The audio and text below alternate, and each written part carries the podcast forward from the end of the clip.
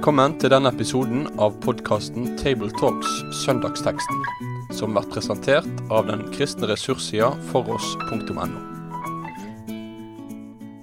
Hjertelig velkommen til en ny episode av podkasten Tabletalks, der vi samtaler om søndagens prekentekst. I dag så skal vi snakke sammen om det som er teksten for Kristi forklarelsesdag. Vi skal snakke om Lukas 9, vers 28-36. Og Den dagen der, Kristi forklarelsesdag, det er avslutningen av den perioden i kirkeåret som heter åpenbaringstida. Og så begynner fastetida fra og med neste søndag. Og I åpenbaringstida har vi lest tekster og vært opptatt av hvem Jesus er, hvordan han står fram som sann Gud og sant menneske, og tekster som sier noe om hans makt over ondskap og hans han, det at han bringer overflod og velsignelse. Og På denne dagen, Kristi forklarelsesdag, så er det denne her teksten om da Jesus ble forklart på fjellet, som, skal, som vi skal se nærmere på. Og jeg har med meg til samtale Joakim Hodne. Og Sverre Bø. Og så er det jeg, Knut Kåre Kjekkholm, som i tillegg er med. Nå skal Joakim, som er med oss i dag, få lov til å lese teksten fra Lukas 9, vers 28 til 36. Omkring åtte dager etter at han hadde sagt dette, tok han med seg Peter, Johannes og Jakob og gikk opp i fjellet for å be. Og mens han ba, fikk ansiktet hans et annet utseende, og klærne ble blendende hvite. Med ett sto det to menn og snakket med ham, det var Moses og Elia. De viste seg i herlighet og talte om den utgangen livet han skulle få, om det han skulle fullføre i Jerusalem. Peter og de andre hadde falt i dyp søvn. Nå våknet de og fikk se hans herlighet og de to mennene som sto sammen med ham. Da mennene skulle til å forlate ham, sa Peter til Jesus, Mester, det er godt at vi er her. La oss bygge tre hytter, en til deg, en til Moses og en til Elia. Han visste ikke selv hva han sa. Mens han talte, kom det en sky og skygget over dem, og da de kom inn i skyen, ble de grepet av frykt. Det lød en røst fra skyen, Dette er min sønn, den utvalgte. Hør ham. Og da røsten lød, var det ingen annen å se, bare Jesus. Disiplene tidde med dette. På den tiden fortalte de ikke til noen hva de hadde sett. Veldig fint. Eh, for å begynne å slenge ut eh, noe til å starte samtalen her. Eh, de sovner jo. og det gjør de òg i Getsemane. Så vi finner et par ganger der disiplene sovner på et tidspunkt der det for meg framstår som veldig Eller kanskje Getsemane det er på natta, og her er det på dagtid. Og så er de på fjellet. Er det en psykisk reaksjon? De er så satt ut at de, kroppen bare tar pause? Har dere tenkt på det? Ja, det er i hvert fall påfallende. Og hvis vi tenker etter hvor ofte Jesus sa til disiplene 'våk derfor', altså å være våken og bevisst, det får en veldig sterk posisjon. Så kontrasten er ikke akkurat til disiplenes eh, fordel her heller. De, de, rota det til mange ganger, og kanskje er det det som ligger i at de sovna fra hele greia. Skulle de vært aktive i bønnemøtet, men orka ikke, Eh, men det er fryktelig lett å sitte etterpå og dømme dem. Mm. Om det ligger i teksten eller ikke, kanskje vi må vente og spørre når vi kommer hjem.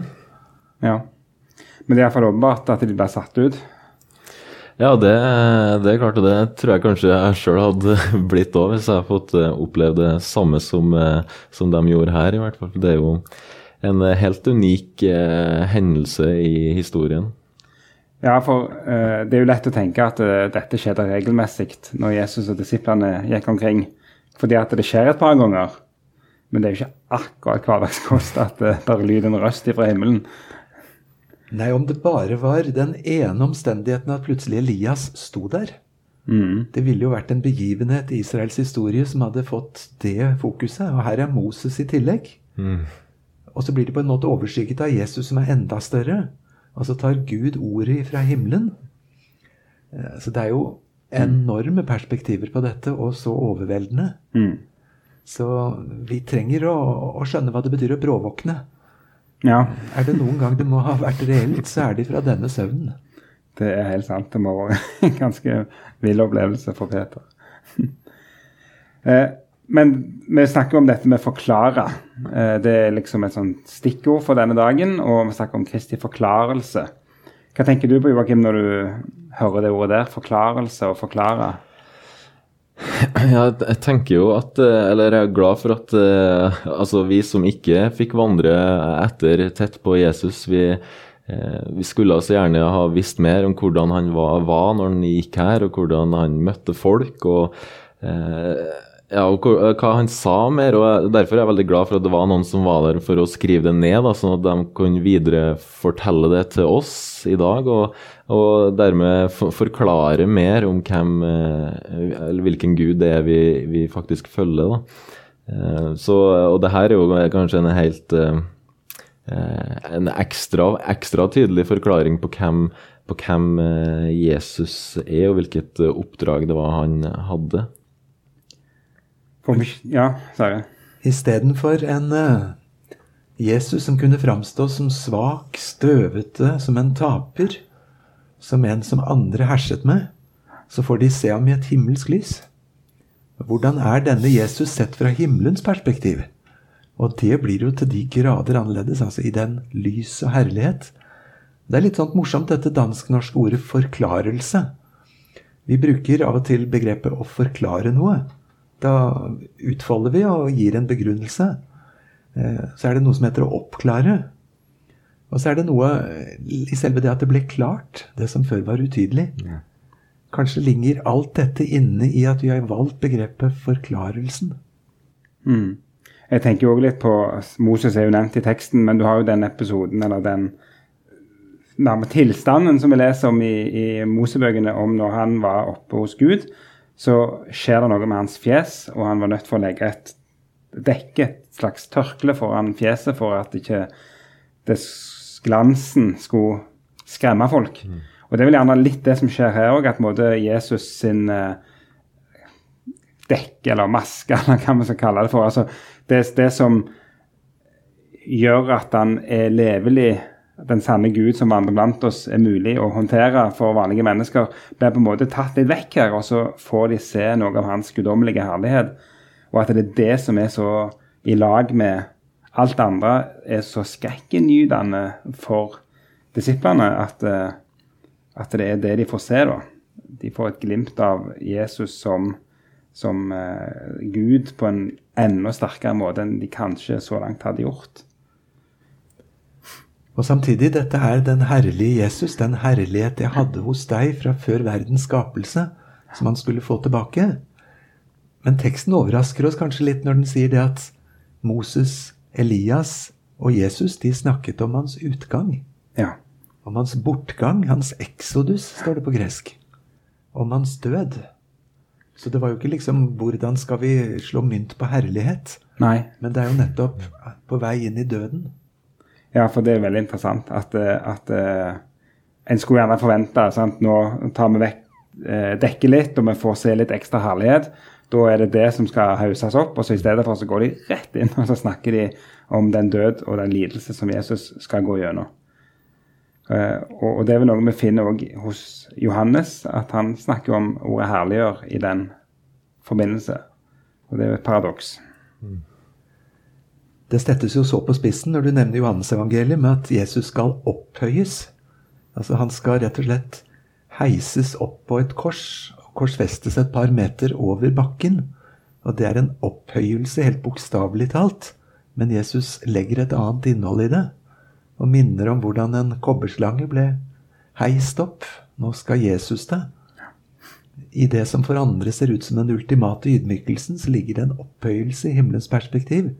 Og det snakker Jesus forklaret om med Moses og Elias i lysglansen. Mm. En annen ting som er litt spesielt Hvorfor Moses og Elias? Har du tenkt på det du, Joakim? Ja, det er i hvert fall eh, Det er jo to veldig sentrale skikkelser i, i Det gamle testamentet. og Eh, som hadde måtte, veldig, eh, veldig ja, Folk visste godt hvem det var, og hadde stor autoritet blant, eh, blant folket. Så jeg tenkte, jeg litt på det at eh, jeg syns det egentlig veldig fint at vi får liksom den måte, bekreftelsen om at eh, ja, Moses og Elias og Jesus de eh, tre ulike, men samtidig så er de en del av samme frelsesplan. og det eh, ja, og det, og det, gjøres veldig tydelig her, og så gjøres det òg eh, ekstra tydelig gjennom den røsten fra, fra skyen. Og tenk, har jeg tenkt på at, det, det, eh, at Moses og Elias, de to store heltene, de står her, men røsten sier 'Dette er min sønn, den utvalgte, hør ham'. Da er det, nå er det han som skal høres. Mm. Men det er fortsatt samme i, i, samme historie, men det, nå er det Jesus som er måte, den den nye, den store, den, den som skal høres og følges. Mm. Ikke sant. Kan det ha noe med det her, det her, med at Moses er loven og Elia er profetene, er det noe der òg, mon tro? En slags eh, skygge? ja, det er det mange som har gjettet på. Ja. Eh, en annen tilnærming er at Elias han ble jo tatt levende mm. av en ildvogn opp til himmelen og hadde ikke noen naturlig død. Om Moses så står det at han døde, men det var ingen som fant graven hans. Så noen har tenkt at den litt uavsluttede livsfasen gjør at det er naturlig å tenke på dem tilbake hit. Men så kan det også være det at med Moses så står det jo at en profet like som meg mm. skal jeg oppreise hos dere. Og tilsvarende står det på siste side i Det gamle testamentet at jeg sender dere Elias, og han skal rydde veien for Messias og vende fedrenes hjerte til barna og barnas hjerte til fedrene. Så det er knytta noe sånn fremtidsrollevidereføring. Men jeg har jo spurt meg sjøl kunne det like gjerne vært Abraham? Ja, eller, en, eller Enok, for å ta en annen, som ble tatt opp direkte. Ja. ja. Det er litt spesielt. Men det var de to. Det, det var det. Men apropos, da. Eh, det tenkte jeg på når jeg leste under teksten, at eh, de viser seg i herlighet, står det i vers 31. Altså Moses og Elias viser seg òg i herlighet. Eh, og det er jo litt sånn Hvor mye skal vi spekulere? Men, men eh, en ting er både Jesu herlighet, den kan jeg forholde meg til. At han har en herlighet. Moses og Elias de ble tatt inn kanskje direkte opp, eller et eller annet sånt. Her viser de seg i en herlighet. Er det en slags oppstandelsesglans de viser seg i? Eh, er det en Ja det, det, er litt interessant, syns jeg. at uh, For jeg ville jo gjerne tenkt at uh, at uh, de er i en slags søvn før den endelige oppstandelse, sånn som gjerne vi tror vi skal være. Og så er de likevel i en herlig tilstand. Viser seg i herlighet her. Det er litt fascinerende. Uten at jeg har svar på det. Ja, Det er kjempespennende å, å gruble over det og tenke på det. Vi har lov å spørre hverandre hvordan skal Herren gjøre dette? Det gjelder jo ikke minst for den enkelte av oss sin død, men nå historisk om disse. Ehm, jeg har møtt to troende eldre menn som eh, sto framfor døden. Den ene trodde han skulle dø, men døde ikke, og fortalte at det jeg lurte på, det var ikke eh, en frykt eller en angst, men det var liksom en spenning. Hva har du tenkt nå, Jesus? Nå ser det ut som jeg skal dø her. Mm. Hva, hvordan har du tenkt dette? Jeg syns det var så rørende enkelt sagt, i forventning til Gud. Og akkurat det samme fortalte en annen eh, eldre, som skjønte at nå går det. Jeg er så spent på åssen har du tenkt å ordne dette, Gud? Den overgangen. Eh, og det må være et stort mål for oss å få lov til å leve og dø i tilliten til at det blir så bra som Gud vil ha det. Mm. Og så spør vi litt ut ifra disse små glimtene vi får av noen som før har på en måte trådt fram etter det vi kaller deres liv og død. Ja, ikke sant. Mm. Fint poeng. Eh, og så er det da Peter som eh, Jeg, jeg syns jo han er litt interessant. Altså han, de sovner, og de er redde. Peter vet ikke helt hva han sier. Og så vil han bygge tre hytter. Eh, så det, det, er jo et slags ønske om å være der som driver Peter, da. Jeg vet ikke, Joakim, du ville gjerne vært der, du òg? ja, veldig gjerne. og Jeg tror nok jeg fort kunne ha stemt i med Peter og støtta han i forslaget om å bygge hytta til, til dem. Eh, og hadde sikkert ikke visst hva han hadde sagt sjøl heller, men, eh, men, jeg, men jeg tenkte litt på det. en så nydelig opplevelse, sannsynligvis, og voldsom opplevelse. og det er kanskje vanskelig å si hva som er en naturlig reaksjon, da, men, eh, men uh, kanskje er det her egentlig en naturlig reaksjon. At uh, han tenker her er, det, her er det godt å være, og, og da er det Ja, vi, han vil gjerne være der lenger, og hva er vel bedre enn med ei hytte, kanskje? Mm. Og, ja, Han får bli, ja. Mm. ja. fordi at jeg tenker jo av og til Av det så får vi gjerne noen sånn bitte små glimt i vår, vårt eget liv òg. Du kan gjerne sitte og lese Bibelen, du kan være i bønn, du kan være i et kristent fellesskap. Så får en en bitte liten sånn smak av, uh, av, det som er større og bedre. Og så glipper det med en gang. Mm. og det er vel gjerne litt den eh, saken vi har her òg, der Peter har sin livs sjanse til å holde det fast, på en mm. måte. Mm. Og så får han jo ikke det. Og hvis vi hadde lest videre, så vet vi at når de kommer ned fra fjellet, så er det jo en besatt som venter på dem ved foten av fjellet. Så det er en ganske brå overgang også tilbake til, til, den brutale virkelighet som vi tross alt lever i. da. Men litt den ønsket om å holde fast eh, tenkte jeg litt på eh, når, jeg, leste dette her. Mm, og, og, der tror jeg kanskje det er veldig fint at, uh, at de ikke, ikke kunne gjøre det heller. Sånn, på samme måte som vi sliter med å holde fast på de gode opplevelsene, så hadde uh, ja, altså Moses og Lia snakka om Jesus som det Jesus skulle fullføre i Jerusalem. Jesus han hadde et, eh, et helt tydelig oppdrag som han måtte fullføre. Og, og, det, og det, da måtte han ned fra fjellet for å fullføre det, eh, fjellet, det oppdraget. Han måtte til Jerusalem. Og På samme måte så hadde også disiplene som var der, de hadde en, en, god opplevelse som de helt sikkert levde lenge på og tok vare på i, i sitt eh, i hjertet. Eh, men, eh, men, så fikk de òg et oppdrag som de skulle fullføre. De òg skulle videreformidle det Jesus hadde da fullført. Eh, så det, det, er fint med nydelige opplevelser, men så er det godt at Jesus òg minner oss på at vi har fortsatt et oppdrag som må, må gjøres. Mm. Ja, jeg syns den der hyttereplikken på en måte er befriende, mm. menneskelig, selv om den kanskje ikke framstår som så veldig åndelig. Mm. Eh, jeg klarer godt å forstå at han ville ha hytte. Jeg er så jordisk at jeg må si jeg drømmer om en hytte selv med min Heidi og barn og barnebarn. Tenk så flott det skulle vært. Hva da med Kristus selv, med mm. Moses Elias? Eh, jeg har også lurt litt på hvor hadde Peter tenkt å bo selv? Mm. Ja, det Hvis det var tre hytter, hvor skulle da Peter, Jakob og Johannes være? Skulle de være hushjelper? Skulle de ambulere litt? Han snakket vel litt ut av seg selv uten en sånn veldig langtidsplanlegging. Var det det? Mm. Men dette syns Gud vi skulle få del i. Ja. Ikke for å rakke ned på Peter, men altså sånn skjedde det. Mm. Og det gir jo et veldig troverdig inntrykk av evangeliene. Det fortelles sånn som de der i enkelhet oppfatta det. Mm. For det er jo så overveldende og ubegripelig. Det er sant. En annen detalj eh, som vi bare leste, som vi kan jeg bare lufte fram. i hvert fall. Det var litt her med geografisk plass dette her skjer. Vi vil vandre med at det er Taborfjellet, som eh, det der vel den her eh, kirka for Kristi forklarelse ligger, og det der en eh, har pilegrimsmål og den slags. Så det er en lang tradisjon for at det er Tabor. Men han har jo relativt kort vei i forveien vært helt opp med Hermon, som er atskillig mye lenger nord. Og vi vet vel ifra både jødisk litteratur og litt ymse litteratur fra det gamle Israel at uh, Hermon var egentlig en plass hvor uh, som i større grad var forbundet med la oss si, demonisk aktivitet. Uh, og det vil jo være interessant hvis at forklaringen skjer der.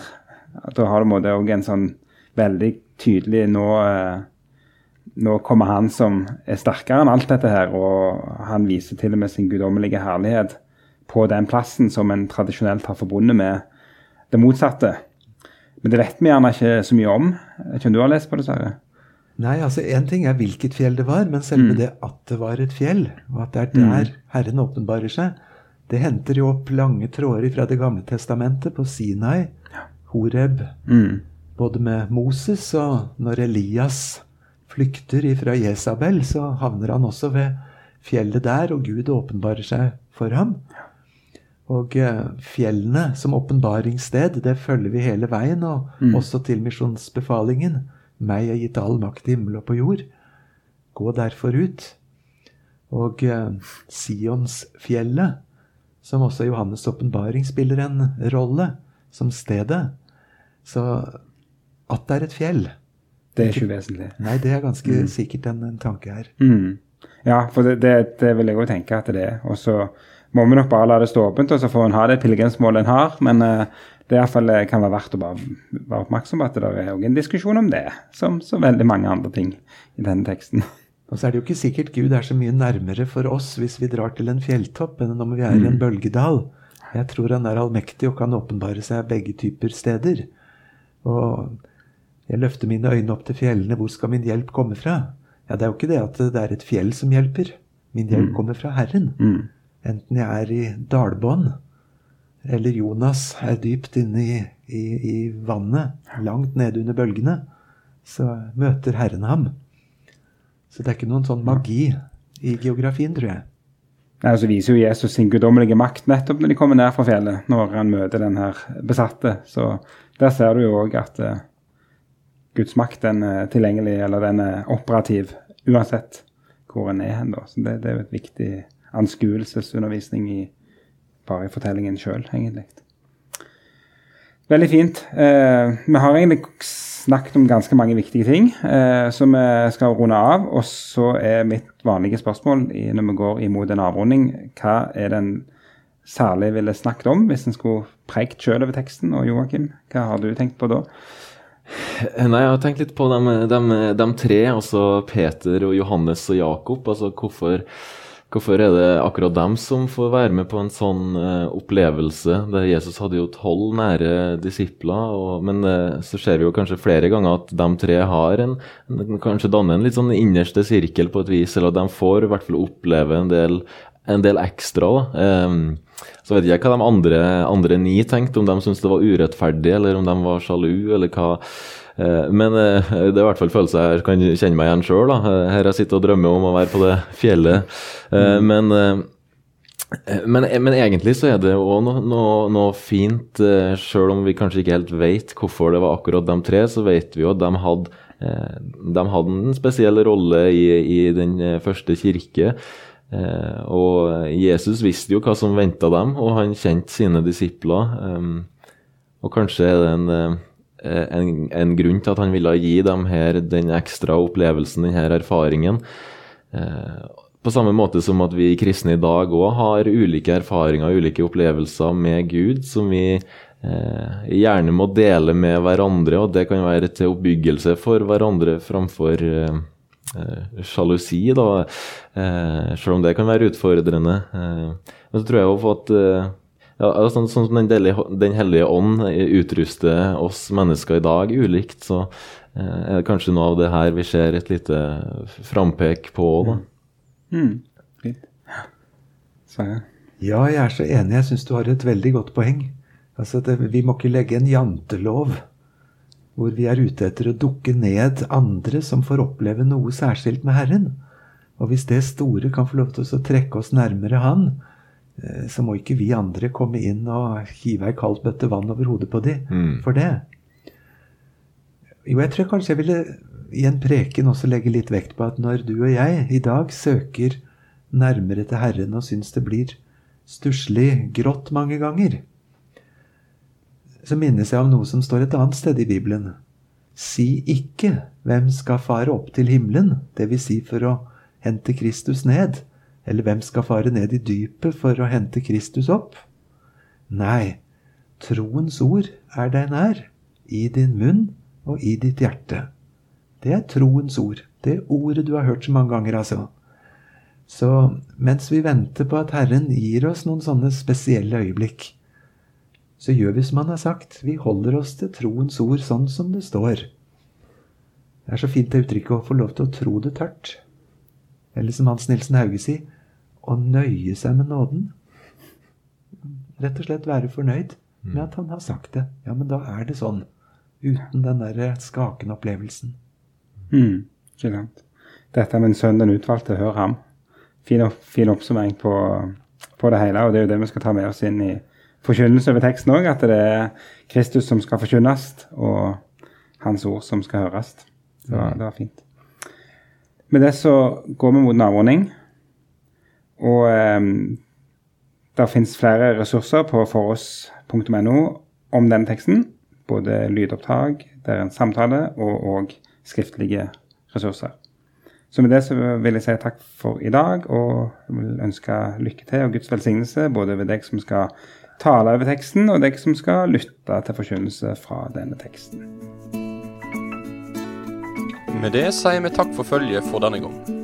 Finn flere ressurser, og vær gjerne med å støtte oss på foross.no.